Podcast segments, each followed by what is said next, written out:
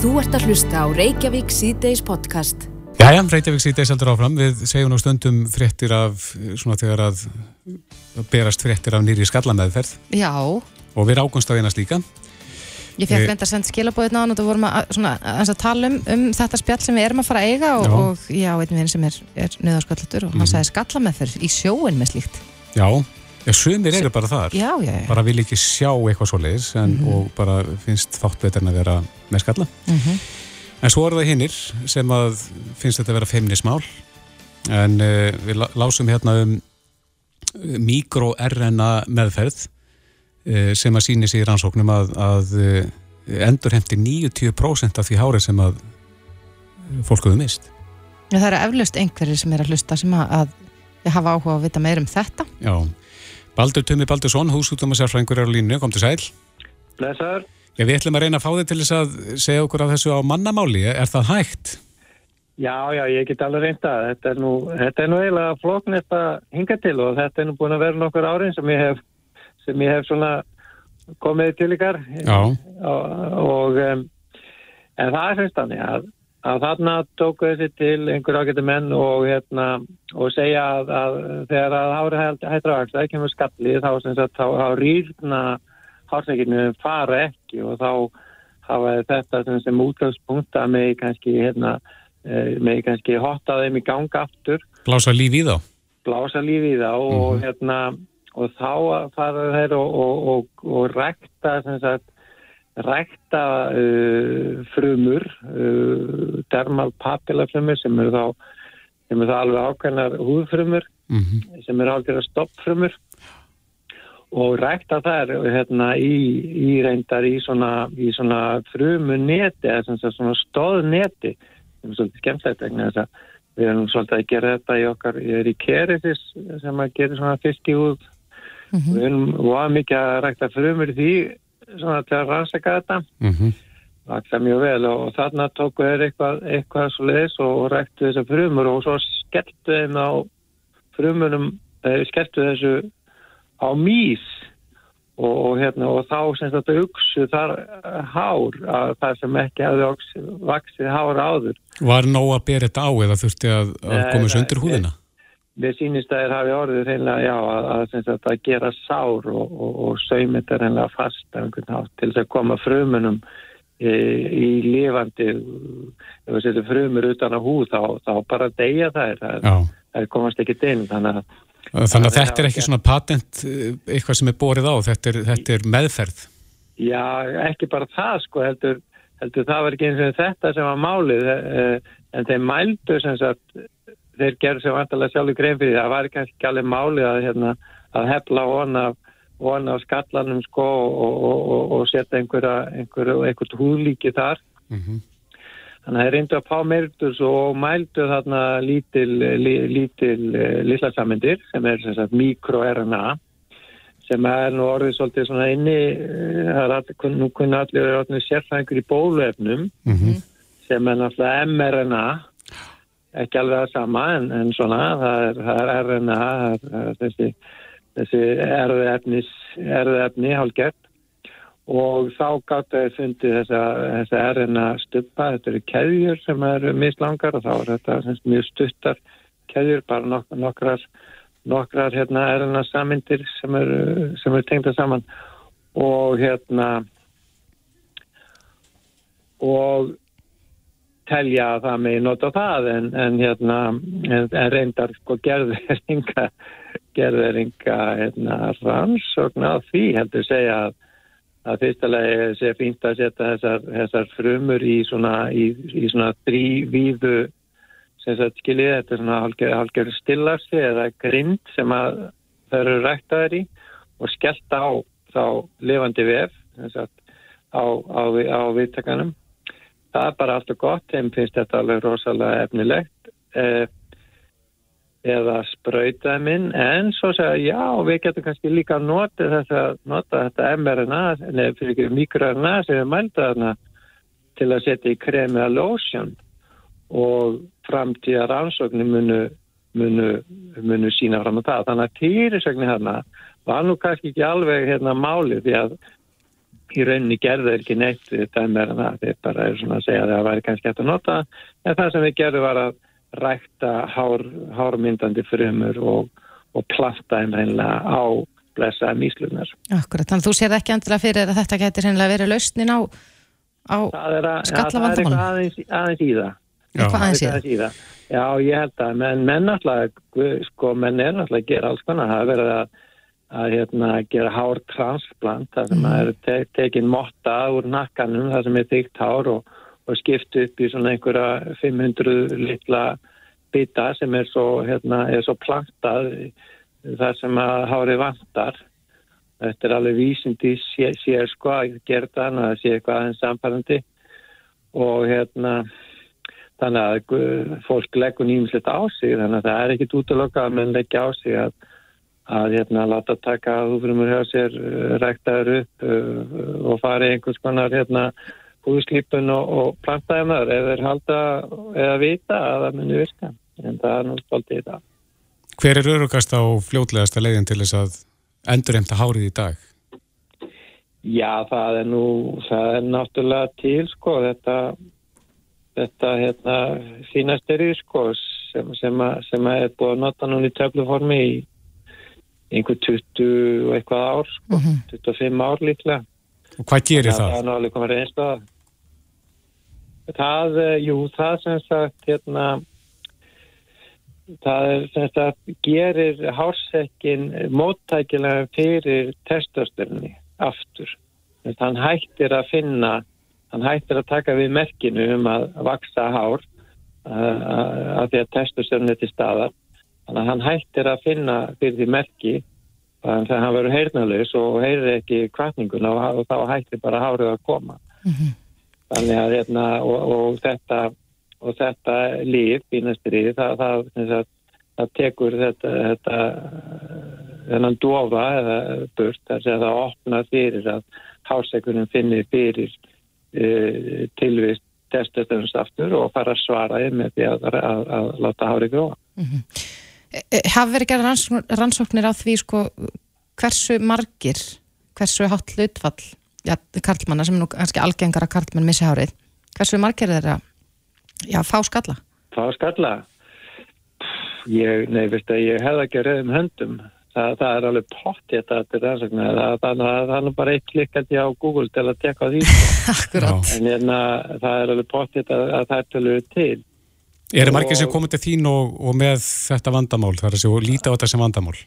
Já, já, algjörlega, ég menna, maður er nú sérstaklega, sko, það er náttúrulega bara hinn almenni kattmaður, við náttúrulega ekki, ekki vera á skalla, svona rétt upp í tvítu, en svo ef það er mjög sterk, sterk tilneying, þá getur það gerð, sko.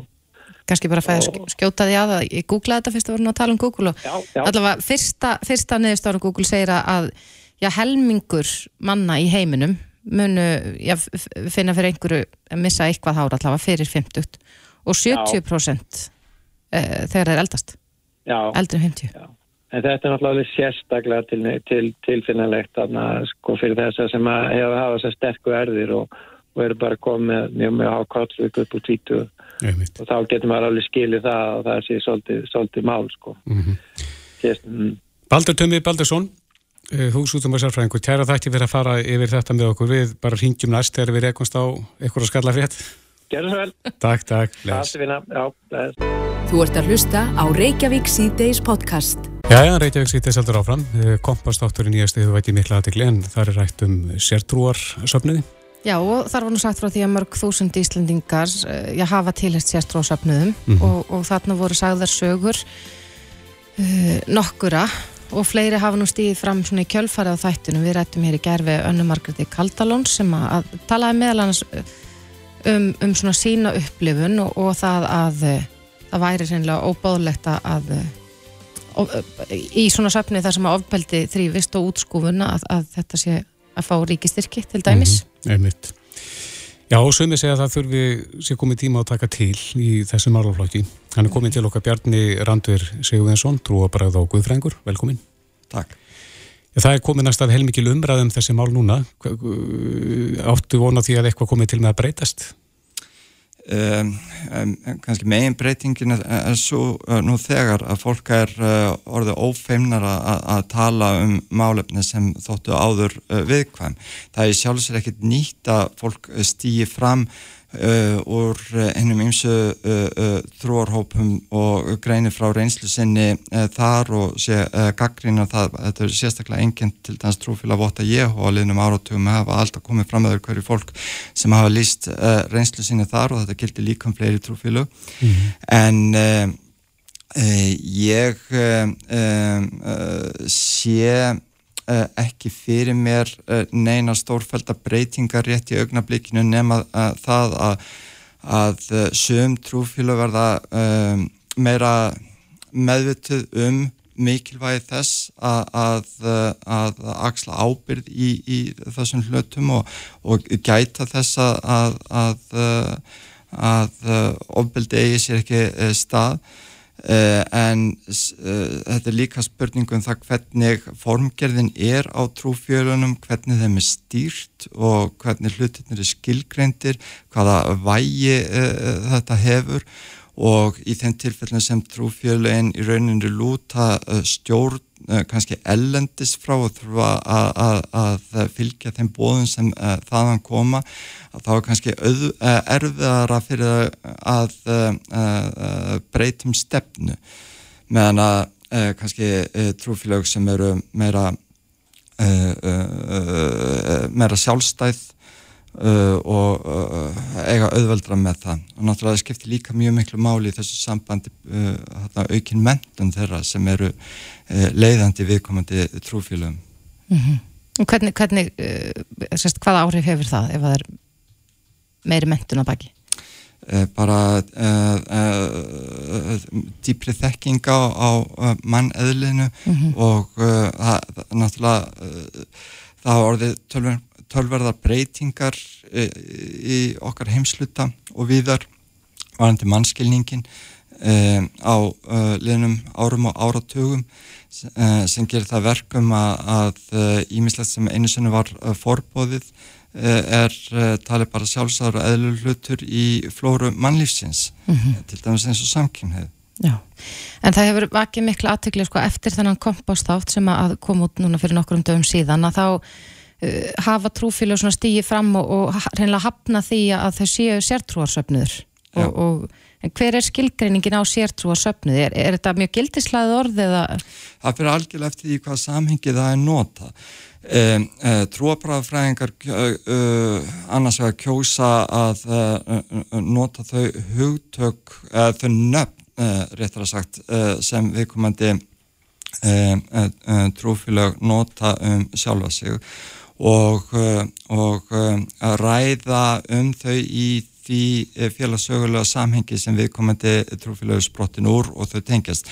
Trúfélög eru mar margvísleg og, og ólík og, og til dæmis þau eh, trúfélög sem hafa verið borin saman í umræðinu núna og kannski lögða jöfnu af ymsum eru þeirra betra gáð mjög ólík og eiga ólíkar rætur, er ekki uh, með samela rætur í, í kirkutrínu. En um, um, síðan er uh, í tróbræðafræði notað flokkunar uh, kerfi til þess að, að uh, greina félagslega stöðu ólíkra trúar reyfinga mm.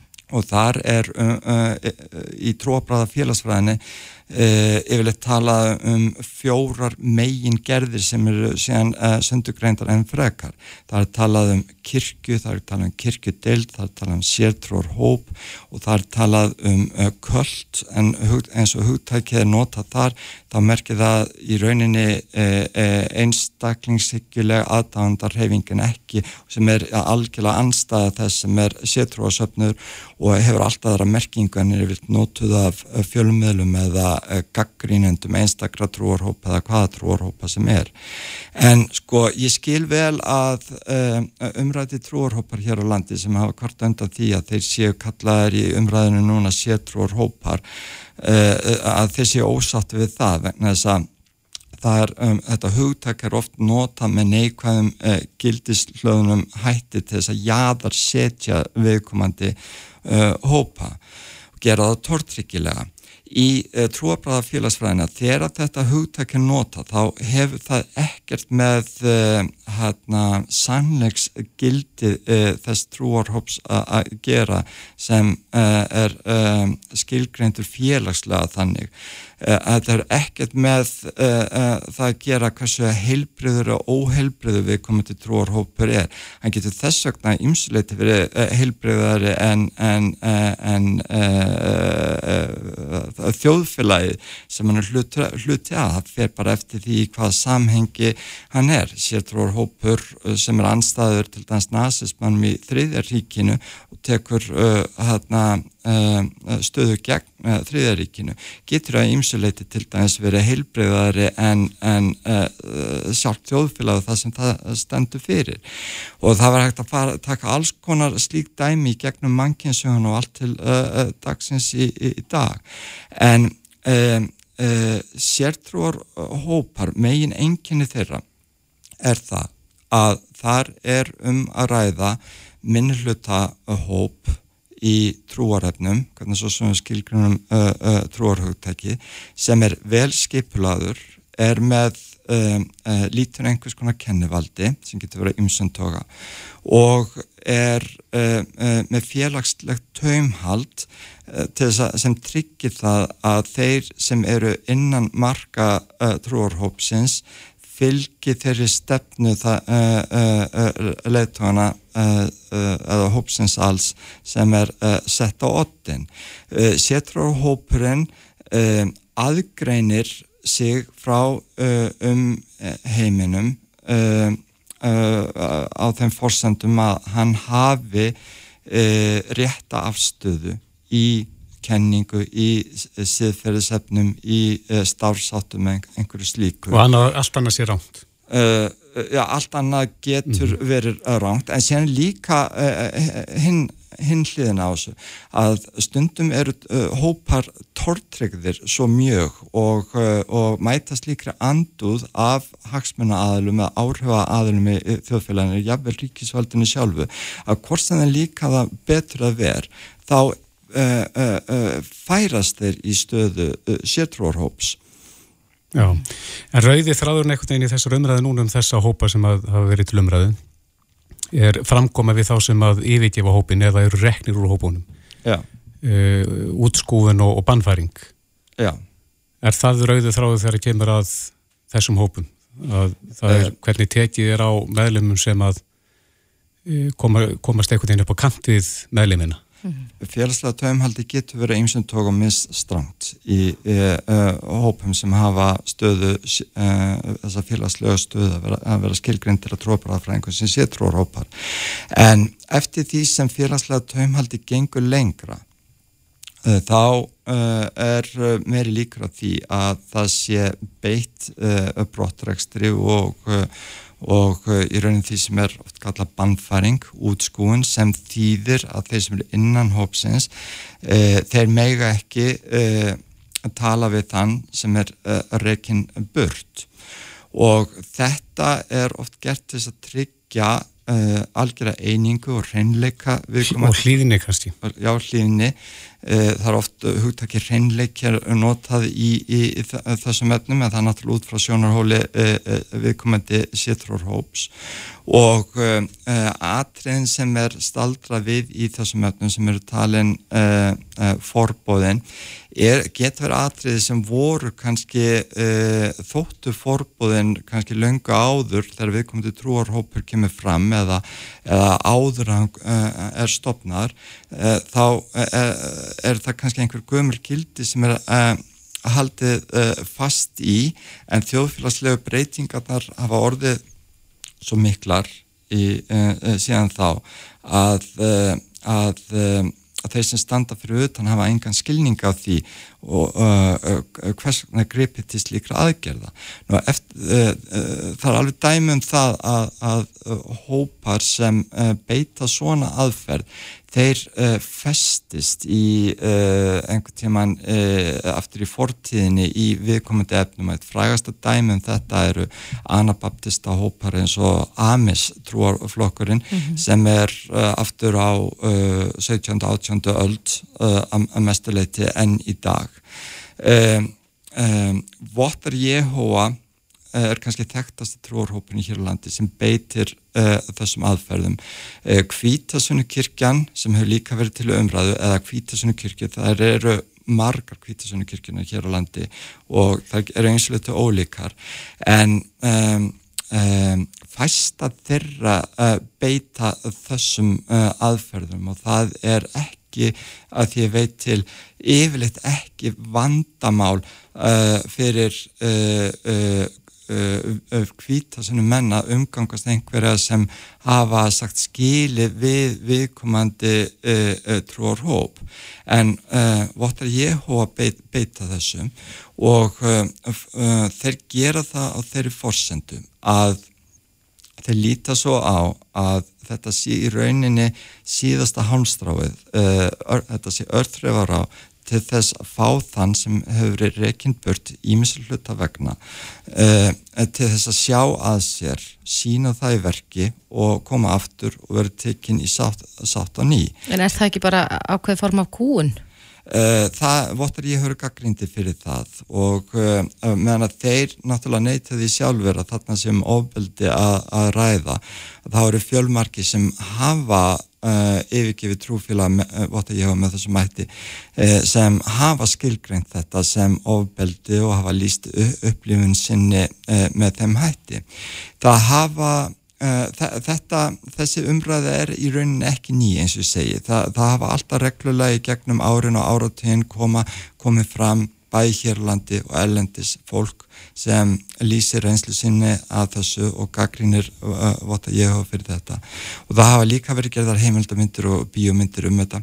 Tvær uh, uh, bíómyndir nýlagar til dæmis sem, sem ég fórvetnilar að byggja á, á sönnum atbyrðum er hérna mynd sem heitir uh, Tveir heimar, dönsk gerð af Oplef sem hérna gerði meðal annars kveikmyndina uh, uh, uh, konu sem hata neða, karla sem hata konur mm -hmm.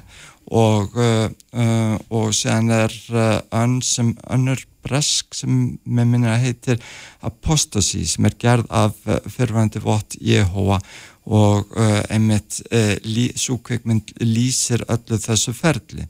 En þetta Uh, uh, þarna erum að ræða náttúrulega sjóna með þeirra sem hafa uh, yfir gefið trúfélagið. Mm -hmm.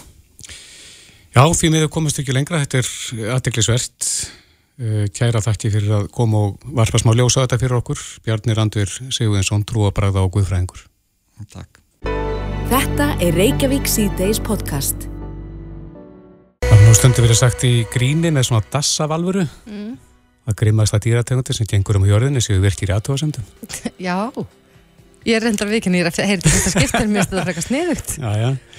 En e, þeir eru nokkri sem hafa fengið að finna fyrir reyði virkra í aðtóðasöndum mm -hmm. og e, nokkur bara nýlega dæmið um það. Já, við auðvitað sáum, e, bara sko ef ég tek dæmi frá því um helgina, mm -hmm. þegar að Björg Magnúsdóttir kynir á söngvakefninni, já, let falla mjög óviðandi orð, uh, sagði óviðandi brandara, mm -hmm sem hún sá strax eftir og, og baðst afsökunar á og, og gerði upp sín mál við hann að köllu sem að aðtöðasemdin snýri að. En, en virkir í aðtöðasemdum heldur þó áfram að mikilli heift. Já, vildu blóð. Já, mm -hmm. og segja það. Já.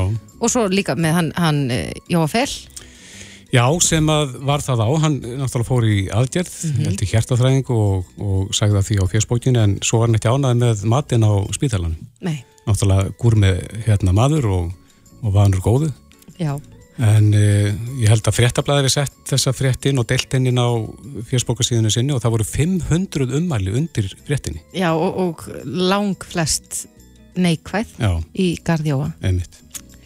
Óttar Guðmundsson, djæðleiknir er mættu til okkar. Velkomin. Já, takk fyrir. Góðan daginn. Hefur þetta verið þetta fyrirbrigði uh, að randa á netinu og í kommentarkjörum, hefur þetta verið rannsækað? Já, já, það var margir haft aðtóðasemtir og svona velt þessu fyrir sér hvaða hópur þetta er sem, að, eh, sem er svona virkilega aktífur á netinu og, og maður náttúrulega veit það að það er eh, svona ákveðin reyði kræmandi undir niðri í samfélaginu og mikið af fólki sem er reytt og sárt og uh, svona hefur og mjög dómhart í mm. garð annara og, og hefur afskaplega lítið umbörðalindi og þetta fólk hefur náttúrulega alltaf verið til það er talað um svona fólk í njálu það er Þetta fólk hefur alltaf verið til, það er mikið á svona fólk í Íslandingasögum. Er þetta fólk galla laust?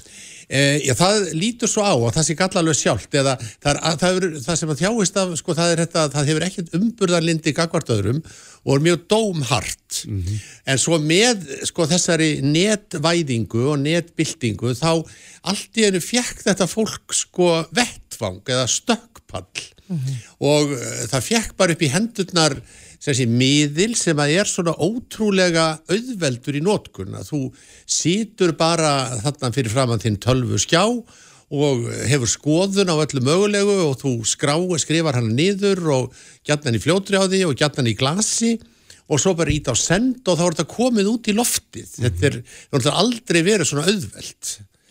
Og, um, en, en þannig að þetta er alveg nýtt en ég held að þessi hópur þessi reyði hópur í samfélaginu sem að sér offsjónum yfir eh, öðru fólki og, og hann hefur alltaf verið til á Íslandi en þarna allt í einu eh, varð til þessi vettvangur sem að gerir þessa einstaklinga svo ábyrrandi í samfélaginu. Mm -hmm. Það hefur, sko, ég var töluðum að sögum þetta áðan en ég, ég horfði á vikuna með Gísla Martini um daginn og þá var uh, þinkona Pírata, hún Lenja Rún uh, Taha Karin held ég hún heita alveg örgla, að hún var að, að lesa upp svona, já, andstyggileg ummæl um sjálfa sig og þarna voru byrt nöfn þeirra sem að skrifa þetta. Ætli, ætli fólk skammist sín þegar að svona byrti síðan á sjónvarskjánum í, í þessu samhengi? Ég, ég veit það, já, ég held nú að fólk skammist sín sko e, því að e, fólk e, einhvern veginn áttar sig ekki á því að þetta er undir nafni og þetta er eitthvað sem að allt sem fer á netið að það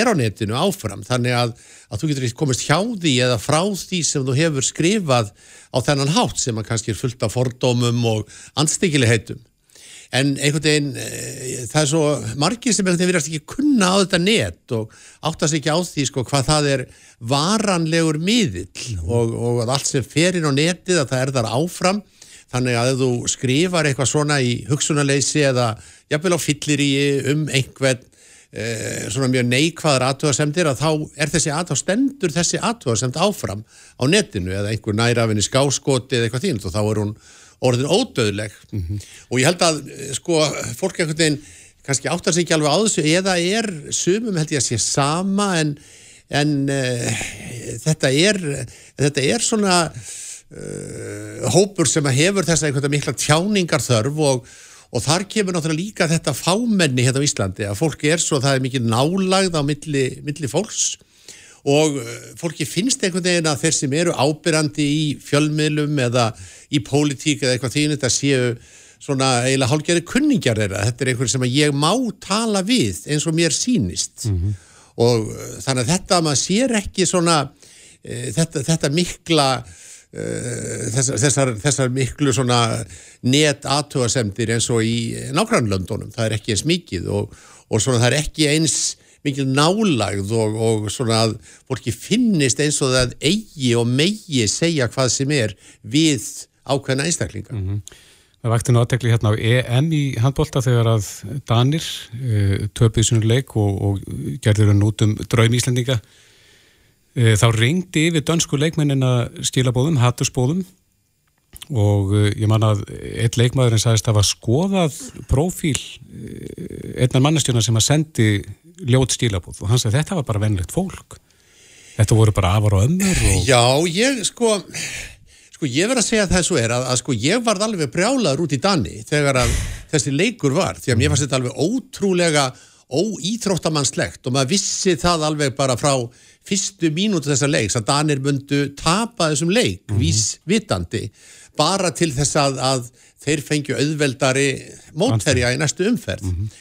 og þannig ég skil mjög marga sem er urðalvi brjálaður yfir þessu en, en þú fórst ekki að leitaður upp Nei, ég fór ekki á netið og ég fór ekki sko og, og leitaði uppi nöfnin á þessum einstaklingum til að skamma þá sérstaklega og mér dattar endar ekki í hug en þá kemur að það er kannski sérstaða þessa hóps er svo að að það er svo fólk hafið nógan tíma. Ég er alltaf að, ég er alltaf að að furða mig á því hvað fólk verist að hafa mikið tíma til að sitja á netinu kommentera á allt mögulegt, allt millir hímis og jarðar, því að þeir sem eru virkir, þeir eru virkilega virkir, þeir eru að sko kommentera á allt mögulegt, þeir eru að kommentera á handbóltamót, Úkrænustríðið, Jóa Fél, uh, úslit í ákveðnum kraspinduleikum, uh, Chelsea og svo framins og framins og framins. Þannig að menn einhvern veginn hafa vita á öllu og skoðun á öllu og, uh, og einhvern veginn eru alltaf með þetta sko, hafa ekkert umburðalindi og, og einhvern veginn eru sjálfur einhvern veginn algjörlega heilægir og lúsarlausir. Þeir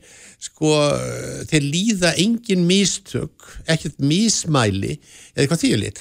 En, en, en svo geta komið upp svona mál eins og með þetta með þessa blessaða Dani sem að, sem að höguðsir eins og þeir gerðu að, að auðvitað held ég að sé mjög margar sem að langar til að, að skrifa eitthvað, að gera eitthvað, að segja eitthvað en það er ekki nema mjög lítið hluti sem gerða og þá er spurning hver er sérstæða þess hóps og ég held að það sé einhvern veginn þetta að, að hafa nógan tíma og vera alltaf tilbúin í átök, vera alltaf mm -hmm. tilbúin að skrifa eitthvað og alltaf tilbúin að að ganga lengra og er, ég veit ekki hvað það er. Nú ert þú geðalagnir, er þetta góð leið til að fá útrás eða er til betri leið? Ég held að þetta sé ekki góð leið til að fá útrás, ég held að þetta sé mjög vond leið til að fá útrás að, að ég, þetta er svona náttúrulega þessar aðtöðarsemdin, þetta verður svo svona einhæfur söngur og, og þú ert bara að hoppa upp á einhvern vagn og skrifa einhverja aðtöðarsemdir að því að það er svo margir aðri sem gera það en, en þannig held að þetta sé góð leið til að fá útrás, þetta er ákveðin útrás sem fólk fær en, en maður sér ekki að neitt læknist af þessu. Það er ekki þannig sko að fólk fá útrás og þá líði aðeins betur. Því að maður sér þá sama mannin vera með aðtóðsefni daginn eftir og, og það er allt eins. Þannig að það er ekki eins og þannig að þú fáir einhver útrás í eitthvað ferli og þá líðir betur og, og þú svona hugsa með þér, æ, nú er björn útrás og nú líður mér betur, ég er ekki eins svona reyður því að viðkomandi er jafn reyður ef ekki ennþá reyðari daginn eftir þegar lesum það að Jói Fél vil ég ekki hérna borða landsbítalamatinn og þá voru mjög margir, margir eins og á spítalinu margir reyðir yfir því. Sko þannig að Já, heyrður þið þá umræðu innan spítal? Já, já, ég var á spítalinu mándaginn og fólki fannst þetta alveg fyrir neðan allar hellur. En þau hljópum kannski ekki allt til og, og, og Nei, um nei, það er ekki allir sem gera það. Það eru ákveðin hópur og það er og það er þessi sérstaða sem að, að þessi hópur virðist hafa, hann virðist hafa nógan tíma og hann er alltaf tilbúin fyrir framann tölvuskjáin, það er alveg saman hvað gerist. og hann er alltaf jafn reyður, Já. það er það hann fær aldrei neina útrást því hann er alltaf jafn reyður, það kemur bara eitthvað nýtt efni til þess að, að fjasa út af. Já, við vorum að fá eina spurning frá lustandan, af hverju erum við svona reyð? Já, það er það sem ég er mikið að velta fyrir mér, af hverju er þessi hópur svona reyður og, og og að, að henda allt á lofti og vera alltaf svona pyrraður og, og, uh, og það skiljum við, skiljum við náttúrulega gæðlagnandir ekki, við skiljum það ekki þegar þjóðin hefur náttúrulega aldrei haft það eins gott eins og núna, hún hefur aldrei verið eins helsurhraust, hún hefur aldrei haft eins mikla peninga, eins marga bíla og uh, allir hafa nótið að býta og brenna, þjóðin hefur aldrei borðað meira en hún er aldrei reyðari, ég veit það ekki, skildi ég. Nei, þetta var að loka orðin. Óttar Guðmundsson, þegarleiknir. Kæra þakki fyrir komuna. Takk fyrir. Þetta er Reykjavík C-Days podcast.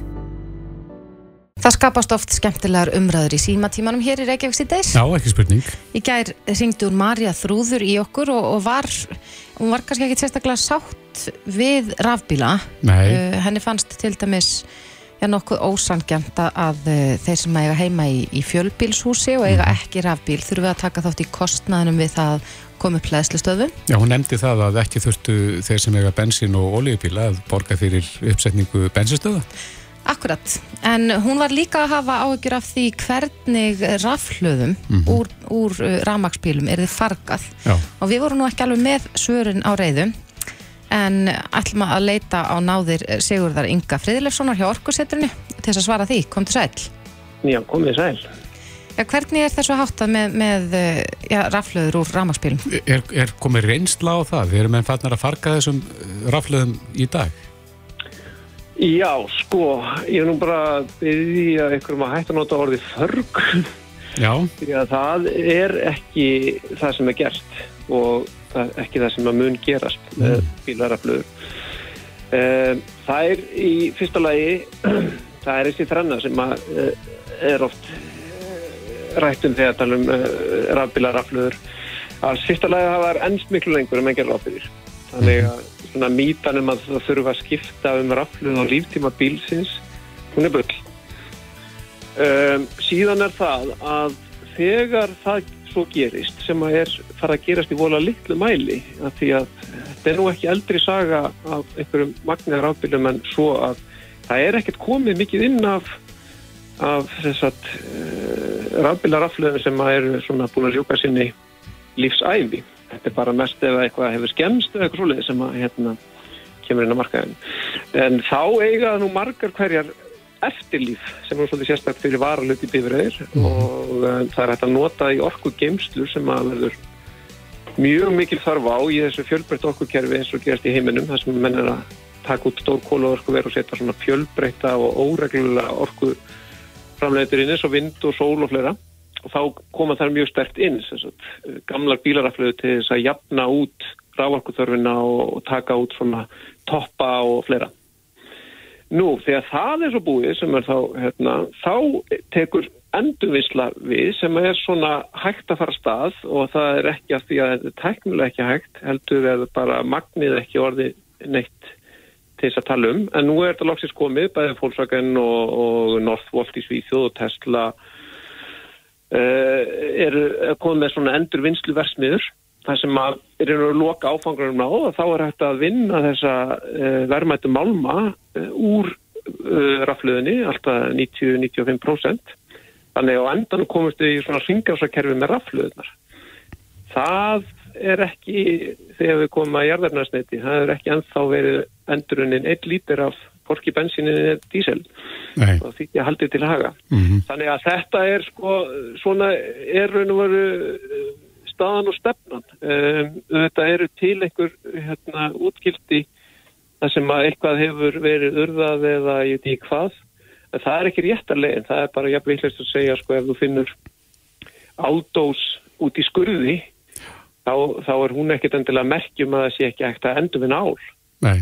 heldur er það eitthvað sem var tilfandlandi að eitthvað hefur gæst sem átti ekki að gerast. Þannig að sko mítanum það að þetta sé ekki umhverfi svæn leið að stifta yfir í, í ramagnið að það á eitt yfir aukast yðast? Nei, engi aukast yðast. En aðeins hinn punkturinn sem hún nefndi þarf að segja kostnæri við það að koma sér upp leðslu stóðum heima. Já. Uh, er eitthvað þróun í því? Er, getur fólk látið þessi orku fyrir að ekki setja upp stöðu var heima hjá sér og verið í áskrift?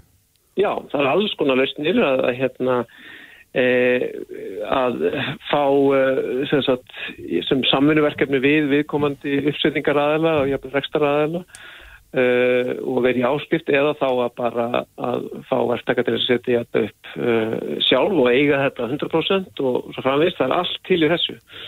Og e, hérna ég raun að skilja samt ekki alveg sko að uh, neytendur þurftu nú alveg að taka þátt í uppsetningu hérna uh, elsneiti stöðu á sínum tíma. Já, bara í gegnum bensinlítran og oljulítran. Það er gegnum bensinverði þá var mm -hmm. allur kortnaður sem að því fyldi. Uh, en ég hef svo skilja á að hún er að tala um að fyrir þá sem er ekki að nota þetta. Mm -hmm. Það eina sem ég ætti að segja við því að ef að menn skoða bara stefnu, fjárfestingar og, og, og hérna, markmið allra stóru bílaframlegandana að þá er þetta bara eitt veg, það er allir á leiðinu þangað þannig að, að rafaðin samgangna hún verður þannig að þá held ég að fólk ætti að hugsa þetta meira sem fjárfestingu í, í uh, húsnæðinu sínu. Að, að hérna það verður orðið svona kannski eh, og er þegar orðið að, að hérna maður hefur séð það í fastegnaölsingum að því er bætt við skilur að, að, að það sé hlæðslustöð sem einhver svona verðmæta aukning fyrir viðkomandi húsnaði þannig að hérna þetta er svona fjárfyrsting bara sem að kemur fram í eh, hækkun á, á fastegnaverðinu þannig að þetta er ákveð ekki lengur því að ef þú átt ekki rafbíl og, og einhverja á óskiljanum ástæðan stefnir ekki á að kaupa rafbíl að þá hérna, finnst þér eitthvað þærlegt að taka þátt í sammeilum kostnaði við, við uh, hlæðsluðuðar. En ég held að fólk verður bara að líta á þannig að, að, að ef einhver, þetta er bara sammeilum kostnaði að setja upp, upp hitt á þetta, einhver fjölbjörnstúr, sko, sem það er bílaplan eða, eða, eða garsláttur eða hvað það er. Mm -hmm. Það getur vel verið að það fara aldrei út í garð, en, en þetta er bara hlut að við að vera í sammeng. Já. Við vonum að hún Marja hafi verið að hlusta og, og hafi fengið svör við sínum fyrirbröðum en Sigur Ingi Fríðlefsson hjá Orkusettrinu. Kæra þakki fyrir spjalli. Ekki nál, takk, takk.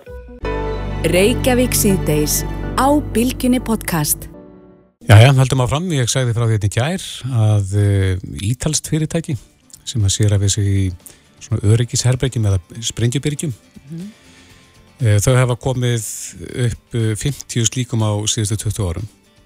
En hafa núna í dag eftir að innrás rúsa í Úkrænu byrjaði fengið 500 pantanir Það er rosalega aukning. Já, og já, maður kannski getur alveg sett sér í þau spóra þegar það er svona yfirvofandi einhver ógn eins og á meilandi Evrópu að, að það að einhverju gætu hugsa á, á þessa leið. já En svo er spurning eh, fyrir þá sem alltaf koma sér upp slíkri, slíkri aðstöðu eins og öryggisherbyggi hvernig, hvað er best að hafa þetta og uh, hvernig á það að vera er ná að grafa fyrir, bara já, maður sér gám? fyrir sig eitthvað neðanjarðar en já, eins og segir, maður þarf líklegast að huga já, loftun og Mhm. ymsu. Hvað segir sérfræðingurinn þessu? Böðvar Tómasson, brun á öryggisverkfræðingur hjá Örug verkfræðastofu, velkomin. Já, takk fyrir ekki alveg. Þið sérhæfið ykkur í þessum málum. Já, við erum okkur í svona örgismálum í svolítið viðu samhengi og meðal annars improta vörnum og svona örgishönnun, getur maður sagt, og bruna vörnum og slíku. Já.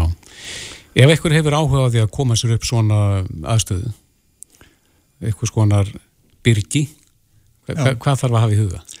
Það er auðvitað margt sem maður þarf að hafa í huga því. Fyrsta legi, eh, þegar við erum að hanna svona örgisvarnir í byggingar fyrir fólk, mm þá auðvitað erum maður að gera svona áhættu greiningu fyrst, til þess að meta bara hver er svona, hver er ógnin og, og hvað er svona eðlilegt að ganga langt í þessu. Mm og uh, það er þetta þannig að á Íslandi er svona þessi ógn kannski minni og augljóslega minni heldur en í dag í Evrópu viða, viða. Mm en við sjáum náttúrulega að það er til auðvitað alls konar lausnir uh, sem að fólki vera að nota uh, varðandi það að verja sig og svolítið mismöndi eftir löndum og svæðum svona hvaða, til hvaða ráða er gripið.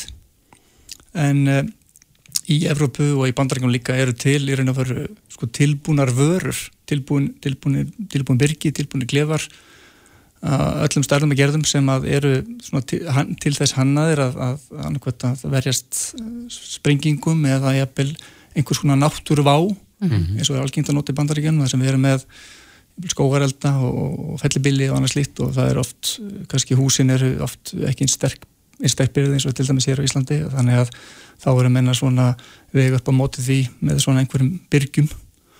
Og síðan auðvitað eru margir sem eru uh, svona hafa svona þessa ógn kannski svolítið stærri og mikla meira fyrir sig heldur en aðrir. Og við sjáum auðvitað víða að kannski bandaring það sérstaklega aftur að, að það er menn að verjast svona einhverju alheims styrjöld jafnvel og fara að ganga svo langt og eru þá að undirbúa sig og uh, geta búið í svona einhverju byrgi í uh, marga mánuði og jafnvel lengur.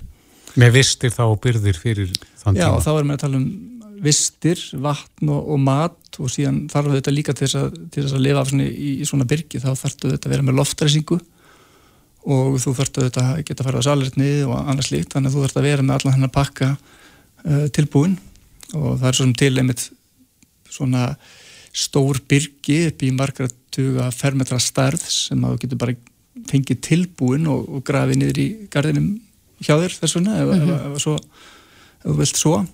Uh, en þetta er auðvitað ekki kannski svona raun- raunverulega ógn fyrir Ísland. Nei. og þetta er ekki verið gert mikið að þessu í Evrópu, ekki að þessu svona kaliberi kannski, en hins vegar má segja að, að í Evrópu eru þetta löng saga uh, fyrir því að byggja sprengi varna byrgi fyrir almenning og í Svíþóð eru til dæmis uh, í mjög mörgum fjölbýlishúsum og einarhúsum eru uh, svona sprengi varna byrgi hvitsrum eins og Svíðin kallar þetta til dæmis Er eitthvað slikt hér á landi? Það eru til svona byrgi en er, þeir eru ekki svona fyrir allan almenning eða sem sagt eh, þannig að allir meira meina geti komist í þau. Í Svíþjóð til dæmis er þetta þannig að það er alltaf byggt mikið í kringum kaldastriðið og allt það. Að, hérna, það eru núna í dag virkum 65.000 svona byrgi í Svíþjóð sem eru það að gjöllum fjölbilshúsa á viðar Mhm. sem að rúma um 7 miljónir manna ekki alveg alla þjóðan þessu staðinir en, en hérna, mjög stórun hluta af henni um, og, og svona það eru kröfur um þetta í mörgum löndum að, að gera þetta ennþá Þú sagði að þetta hefði verið kannski meirum þetta á tímu kaldastriðisins en, en nú er komin upp uh, ógn, það er að segja Putin, hann hefur hótað að beita kjarnavofnum. Serðu fyrir þér að þetta færist í vöxt á núna að, að koma sér upp eitthvað skona svona kjarnorku byrgjum? Já, það er alveg búist því að, að það verði aukning í þessu, almennt sé því í Evrópu. Það að geta geta varið fólk gagvart eh, svona, svona ógn og þetta þá kannski sérstaklega við um þau lönd sem eru nær þessum átökum eða mögulegum átökum en, en vissulega hafa lönd eins og, eins og uh, Löndin og Póland og jafnvel Finnland og Svíð og vera svolítið að dragast inn í þessa umræðu mm -hmm. þannig að ég geti náttúrulega vel trú á því að það fari menn að, að huga þessu ennþá meira aftur og, og, og eins og ég segi eins og Svíþjóð og Finnlandi þá eru þessi byrki til staðar og er við haldið mm -hmm. það er þá ábyrð fastegna eigandans að byggja þetta sem hluti af svona einhverju starri mynd fyrir landið og síðan að þetta að viðhalda þessu. Mm -hmm. En heldur þú, sko, nú er ég bara velta fyrir mér ég er nú alltaf eitthvað að minnast á þættina Doomsday Prepper sem ég horfið á Discovery fyrir sko, árum síðan heldur þú að á Íslandi sé einhver, einhver einstaklingur með svona sprengjubyrgi bara já, á lóðinni sinni eða? Ég þekki nú ekki til þess en, en það kemur svo sem ekki óvart að það væri einhverjir sem, að, sem, að myndu, sem væri að ganga aðeins lengra en, en svona gengur að gerist hvað þetta varðar sko. Mm -hmm. Hvað þarf að hafa í huga ef að einhver vill gera það? Þú þarf náttúrulega að hafa auðvitað svolítið fjárra átt til þess að, að byggja þetta Er nóg að grafa bara gám í gardin? Eh, þú getur auðvitað verið í gámnum einhvern, einhvern smá tíma í sjálfur sér ef þú byrjir til einhverja loftarsingu á hann og, og slíkt en, en þegar svona eh, við erum að tala um lengri tíma að þá auðvitað þarf það að vera með góða loftarsingu þú þarf að geta mögulega síða loftið og þú þarf að hafa aðgengja salirni og þú þarf að vera með rennandi vatn og annars slíkt. Þannig að þetta er meirinn bara hendinir í gám en vissulega getur við verið í gám í einhvern sólarhing kannski eitthvað slíkt við einhverja frumstæðar aðstæður. Mm -hmm. ekkert, ekkert útlögað Akkurat, já, það er þetta mörg á huga en, en sem betur fyrir þetta nú ekki, ekki svona ja, stór ógn hér á landi. Getum prísa okkur sæl með það Já, maður segja það, við erum auðvitað, við erum að svona öryggisanna byggingar og slíkt og þá erum við svona lítið til annara ógna auðvitað, svona fyrst og fremst. Eh, en, en fyrirtæki og einstaklingar líka og síðan auðvitað ofnbæra stopnarar eru auðvitað höga meira að öryggismálunum. Mm -hmm. og við erum að núna að hanna öryggi í, í svona ofnbærin byggingum sem, að, sem, að, sem við þurfum að vera að líta til, getum við sagt, næstu ára tuga, þú ert að byggja nýja byggingu sem á að vera svona ákveðnum gæðum og, og þjóna ofinbyrri stjórnsýslu til dæmis að þá þartu þetta að átta því að því að, að hlutinni breytast. Og í því mm. samingi getur verið gott að líta til dæmis til Skandinavíu, við liggjum svona einhverjum árum ára, kannski áratöfu eftir Skandinavíu varandi ógnir og ymmislegt, mm -hmm. þannig að við getum svolítið séð svona hvernig þróunni verður. Og, og við sjáum hvað hefur gerist, var gerist í Nóri með Breivik og allir því og síðan þetta, í, í Svíþóð eru, eru svona ymmisvopnuð átök og fleira. Mm -hmm opnur rán og slíkt þannig að þetta er auðvitað eitthvað sem við erum að, erum að vinna með uh, í dag. Mm -hmm. til, til framtælitið Einmitt, eh, Böðvar Tómasson brun og öryggisverkvæðingur hjá Örug verkvæðistofa Kæra þakki fyrir að fara aðeins yfir þessi mál með okkur. Já, takk. Reykjavík síðdeis á Bilginni podcast.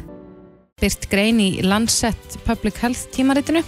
Það sem er verið að tala um að, að sko uh, þunglindi og, og kvíði mm -hmm. geta verið fylgifiskar eh, COVID og að geta varað sko, svona, þessi enginni geta varað í, í já, átján mánuði eftir, eftir að fólk hefur verið svona alvarlega vikt af COVID Er þetta þá fylgifiskur sko, COVID eh, sjúkdómsins eða umræðunar um sjúkdómin? Við ætlum að komast að því. Á línunni á okkur er Ingi Björg Magnúsdóttir, doktorsnemi í líftölfræði og faraldsfræði við Háskóla Ísland sem er einn af höfundum þessara greinar. Kom til sæl, Ingi Björg. Já, sæl og blessu.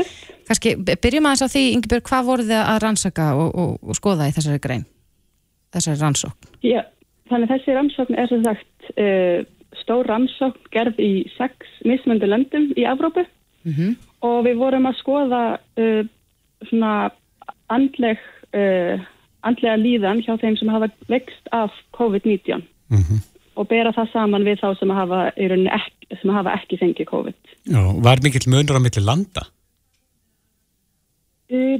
Það, svona, trendin eru mjög uh, svipið á milli landa, þannig það er kannski aðeins mis, misjamt hversu mikil þunglindi var yfir höfuð í hverju landi fyrir sig en þegar að bera saman þá sem að fá ekki COVID við þá sem að fengi COVID erum við að sjá svipu svona trend að þau sem að eru hafa fengið COVID eru með herri enginni mm -hmm. and, svona andlega enginni Ég spurði hérna á enn ynganginu hvort að þetta veri afleiðing sjúkdómsins að hann hefði þessi beinu áhrif eða, eða umræðan um hann í samfélaginu Já, það er náttúrulega erfitt að vita nákvæmlega hvað það er en það er náttúrulega er, við erum að sjá þessi svona verri enginni sérstaklega þeir sem það vext illa mm -hmm. þannig að þetta er líklega einhver samblanda að því að það, fólk er kannski ennþá með líkamlega enginni bara í langan tíma sem náttúrulega getur gert það verkum að náttúrulega andlega líðan verður verri og síðan náttúrulega líka bara já, svona mikil óvisa um, um sjúkdóminn og bara fólk bara kannski er rætt bara veit ekki hvenar hvenar og hvort þessi líkamlega enginni fara eitthvað til mann.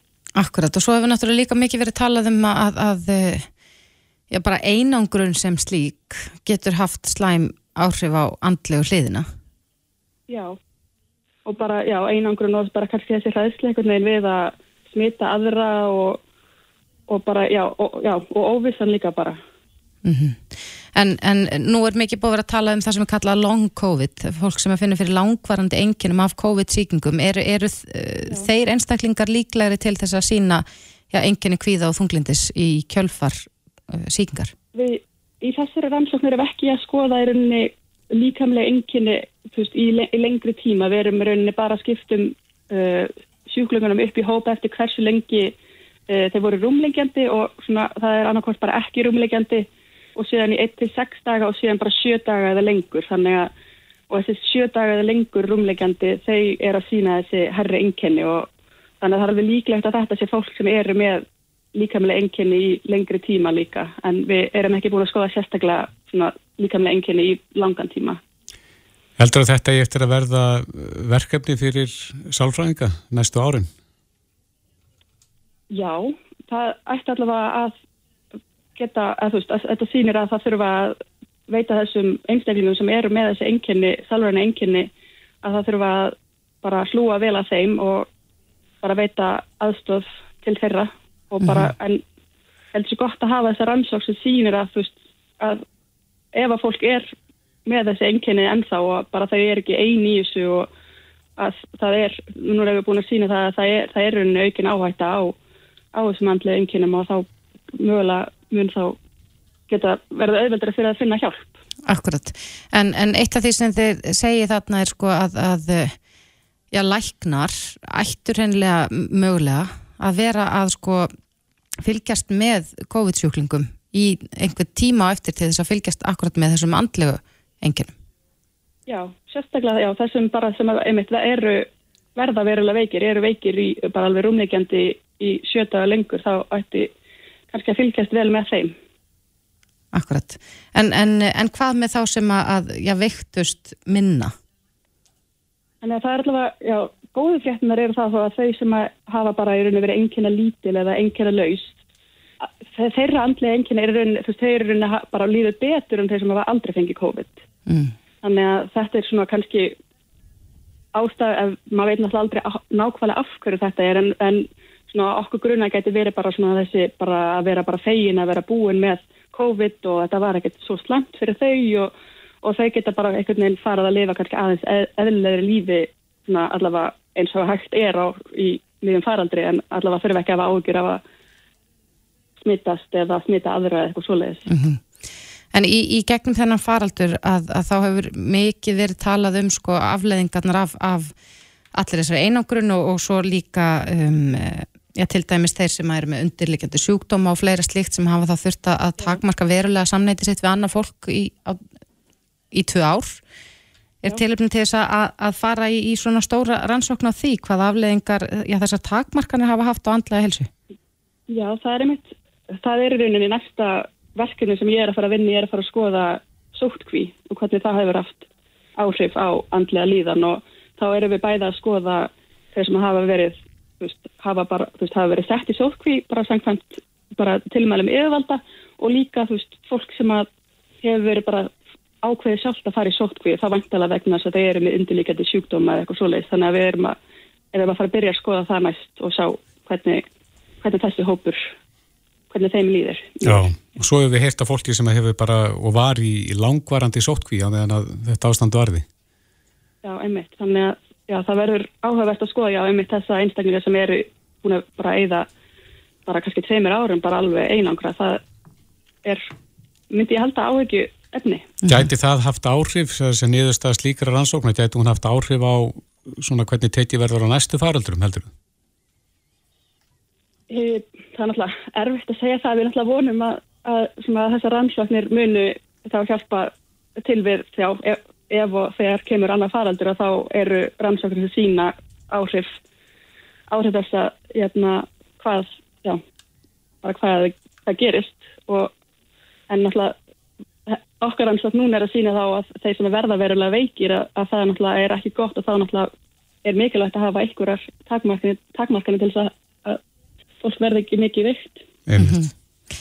Já, það er eiginlega nokkuð vist að, að svona óbásla margt sem teng, tengist faraldrinum viðbröðum við honum og fleira muni vera já, efni fyrir vísindamenn að vinna úr. Já, það er, já, það er nóg að vinna úr. Akkurat. En, en þetta er, er spennandi rannsókn og Ingi Björg Magnúsdóttir, doktorsnum í líftölfræði og faraldsfræði við Háskóla Íslands. Takk kærlega fyrir að spjalla um þetta við okkur. Já, takk fyrir. Hlustaðu hvena sem er á Reykjavík C-Days podcast. Nú er klukkan fann að ganga sjö og það er já, kvöldmatartími hjá mörgum mm -hmm. og fyrir þá sem eru ekki búinir enna ákveða hvað verður í kvöldmatin að þá getur við svo sem mælt með því að panta góðgerðarpítsuna á Dominos. Já, við smökkum hana hérna á þann. Já, hún var mjög Ríkalega góð. Eitthvað svona skemmtilega öðruvísi við hana. Ég, sko, ég sagði um daginn ég væri líklegast að breytast í pítsu og það hún er mjög oft í matin hjá mér. En, en það er gaman að borða pítsu sem kemur hana þessu óvart. Já. Er ekki alveg svona eins og allar fyrir sjáanleg. Akkurat. Mm -hmm. En góðgerðarpítsan er selda okkur einast ári. Núna, uh, já, rennur allur ágóða á sölunni til einstakra barna mm -hmm. og þær eru komnar til okkar í dag Guðrún Harðardóttir, frangatastjóri einstakra barna og Hrefna Rósa Sætran kokkurna bak við þessa frábæri pizza verið komið sælar Sæl, Sæl. Hrefna, við byrjum á þér, hvað, hvað er í pizzunni? Pizzan í ár, hún er svo satt uh, bara bort, síðan er svona kvítsósa, kvítlögssósa, ekki vennuleg pizzasósa mm -hmm. svo erum við með tvær tegundra pepperoni, starri tegundurina og svo svona litla minni ringi. Rauðlaug og trufluost. Svo erum við hunang og timjan þetta er allt svona svolítið útpælt, svona smá stert bragð og sætt sem passa mjög vel með mm -hmm. og timjan svona til að, já, bara krytta og Þetta er útpælt Mjög útpælt En eins og þess að þá, þá, þá er svona eitthvað sem að kemur manni pínu óvart hvað er það sem að, heldur það að sé hvíti botnin í staðin fyrir pizzasósuna sem er kannski svona já, óheðbundin innan gæslepa? Það er svona kannski á mesta breytingin frá vennulegri pizzu en svo náttúrulega er ekkit, kannski, svona hunangar ekki mjög algengt á pítsu eða, eða nota kannski timjan beint, sko. Mm -hmm. Þannig að þetta er alveg svolítið óhefbundi, já. En mjög góð. En, eh, já, eins og við segjum að þá, þá rennur ágóðin af, af sölunni, óskipt til einstakra barna og, Guðrún, eh, er, er þetta ekki, já, kærkominn gjöf til ykkar að fá ágóðan af þessari pítsu? Jú, því verður ekkert líst, sko, þegar að við fengum ringinguna frá Dominos og þeir reyndar upplýst okkur um það að, að ég var eiginlega svona smá að leiða þetta því að það rennur all, allt sölu andverði pítsunar beint til félagsins Jáhá. þannig að það er ekki, er ekki bara ágóðin, það er allt sölu andverið þannig að þetta er fyrir okkur eftir þennan heimsfaraldur sem hefur verið undarfarið og gríðarlega fjölgun í félaginu sem hafa verið 10-12 börn á mánuði síðustu þrjú árin hefur sett okkur í þá stöðu að við þurfum að stiga fram og, og gera meira. Mm -hmm og Dominos er í raun og verið að gera okkur fært núna að opna fjölskyldu og aðstandenda miðstöð núna í april. Mm. Hvað eru einstak börn? Einstak börn eru börn með sjálfgefa sjúkdóma og mjög sjálfgef heilkenni. Þetta eru svona greiningar sem að fáir þekkja og fáir hafa bara hýrt um eða skilja. Og hvað veldur því að það hefur verið svona mikið fjölgun í, í hóknum? Það eru svona margir þættir. Það er fram, lækna vísundanum fleitir fram og, og þekkingu og, og fleira sem að snembærar greiningar alls konar hlutir sem að hafa gert það verkum að fjölgunin er mikil hjá okkur. Akkurat. En eins og segir, sko, í kjölfar heimsfaldust þá hefur verið erfitt ekki satt að afla fjö í Þa, þessu ástandi? Það hefur verið mjög þungbart hjá okkur, sko. Við náttúrulega erum algjörlega háð samfélaginu og, og fyrirtækjum innan samfélagsins og einstaklingum. Við bara höfum orðið að bjarga okkur svolítið sjálf síðustu tvö árin og takast á við þessa óbúslegu fjölgun samhliða þannig að við höfum verið að gefa í þjónustu og bæta í fagþjónustu og, og ráðgjöf og allt saman uh, samhliða heimsfaraldri og allir þeirri þjónustu sem að þurft að veita fórildrum á þeim erfiða tíma mm -hmm. þannig að þetta, þetta, þetta er bara, fyrir okkur er þetta bara þvílik einsbytting sko. Akkurat En eh, já, Sefna, þú hefur nú gert þetta áður Já Hva, Hvað ertu búin að gera margar góðgjara pítsur? Þetta er nýjunda pítsan mm -hmm. sem ég gerir Er þetta toppaði núna? Sko ég myndi segja að þetta toppar hverju ári sko, þannig já, já þetta er eiginlega toppari núna. En hvernig fara með næði að ræða þessu saman? Erstu bara heima og farið ykkur andagift eða hvað, hvernig sko, verður ég, þetta til? Ég svona byrjaði að hugsa hvað bara mér langar að gera að hverju sinni og kemur nokkrar útfæslur, svo fer ég upp í Dominos og við prófum þar saman og það kemur hópur af fólki og smakkar og svo er það ofta svona ein, tvær sem eru sigurverðarnir eða mm. þannig og svo veljum við bara góðgjara pítsuna en núni ár voru með tvær alveg mjög góðar en þessi var svona aðeins betri Ég var búist við því að þessi pizza minn koma á matsæl hjá dóminu sko, og miða við, sko, eins og við sagðum, við fengum að smakka þetta hérna og, og allir á hæðinni reynilega, já, slefiði yfir henni. Mm. Sko það hefur alveg gerst að pizzan heldur áfram og þar gæti alveg verið, ef hún er mjög vinsalið mitt, þá hérna munið eru öruglega haldið áfram með hana. Við mælum allavega með því að, að fólk ringi og panti þessa pizzu. Akkurat, og þetta er bara til sölu í nokkra daga. Þetta er út fymtudaginn, þannig að þetta er, já, Þannig að það er í kvöld, morgun eða hinn til mm. þess að styrkja einstök börn með því að kaupa góðgerapítsuna og ég líka bara að fá að smakka þessa ljúfengu pítsu. Einmitt. Guðrún Haraldóttir, frangatastjóri einstakra barna og hrefna Rósa Sætran. Kæra þakki fyrir komina. Takk fyrir að taka mút okkur. Reykjavík síðdeis á Bilginni podcast. Hér fyrir þessu mánuði kom til okkar Guðbrandur Bóasson sem var lengi já, í áratví formaður aukvíkjennari félags Íslands. Mm -hmm og hann var mjög ósáttu við fyrirkomulag aukukenslu og aukuprófa. Já, hann talaði um að væru jafnvel bara einhver gróða sjónami þar að baki að, að það væri hennilega verið að, að reyna að fella þá sem að taka bílpróf. Já, heyrim aðeins það sem að hann sagði það Guðbrandur. Ég veit það að þau eru sett upp þannig að þau eru með útúrsnúningum og til dæmis sömpróf með þremur þú getur fengið þrjár villur í sömu spurningunni. Þú, þetta eru 90 eh, spurninga, eða punta próf. Mm -hmm. það eru 30 spurningar hver með þrejum svarmöguleikum.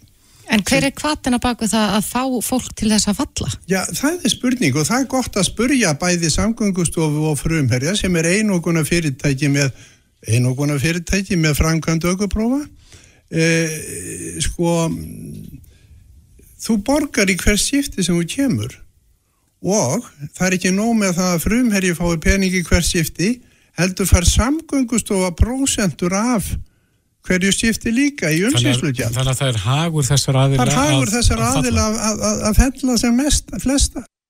Já, þetta sagði Guðbrandur Bóðarsson við okkur hér fyrir í, í mánuðinu mm -hmm. og uh, sagði við ættum að spyrja samgöngustofu, við ættum að gera það. Já, á línunni hjá okkur er Þórhildur Elin Elinardóttir, samskiptastjóri samgöngustofu Kom til sæl, Þóruldur. Já, komið sæl. Já, er, er þetta rétt sem að hann, Guðbrandur segir okkur að það séu gróða sjónar með þarna baki að, að, að þið séu vísvitandi að fella ungmenni í, í slíkum prófum? Nei, sannarlega ekki. Okkar markmið er uh, fyrst og fremst að, að nefnendur kunni umferðareglurnar og séu eins vel undirbúnir og hægt er áður en þeir gangast undir þá miklu ábyrða stýra aukutæki út í umferðinni það er, það er markmið okkar og til þess eru prófin ætlu. Mm -hmm. En væri þá ekki eðlilegt að þetta væri þá eh, nefndunum að kostnaðulegs og koma í, í annarskipti?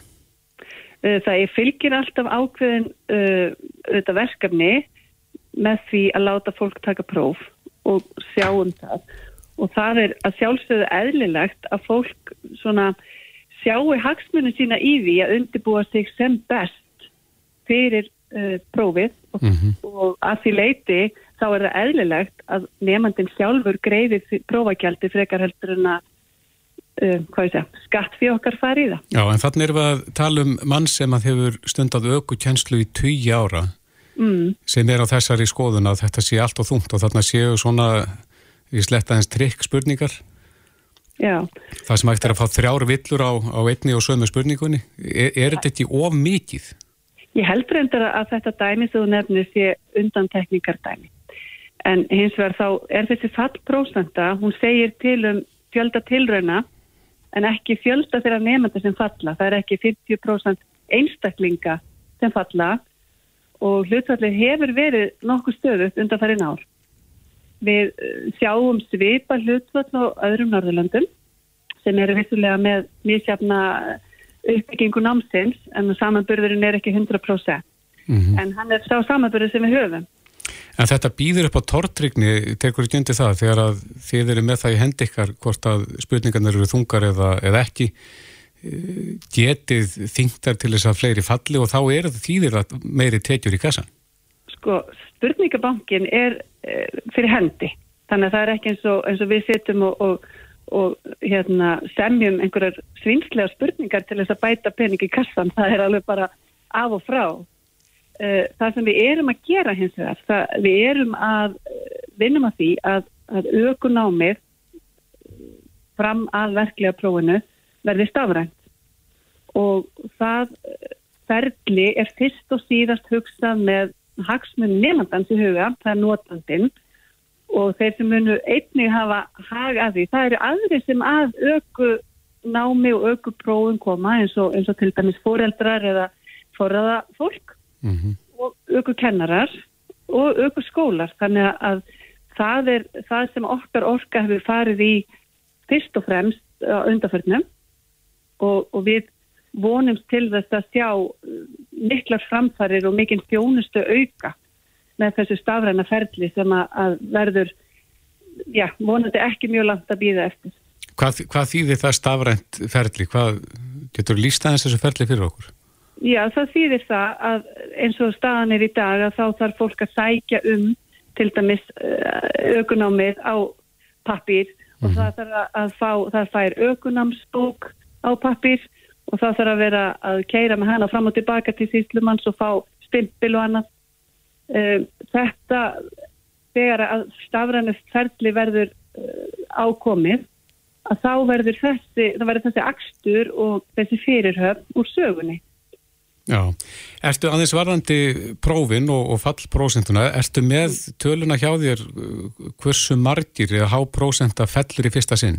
Í, ég, er töluna, ég er ekki með töluna um, um fjölda einstaklinga en fallprósentan hefur verið um 50%.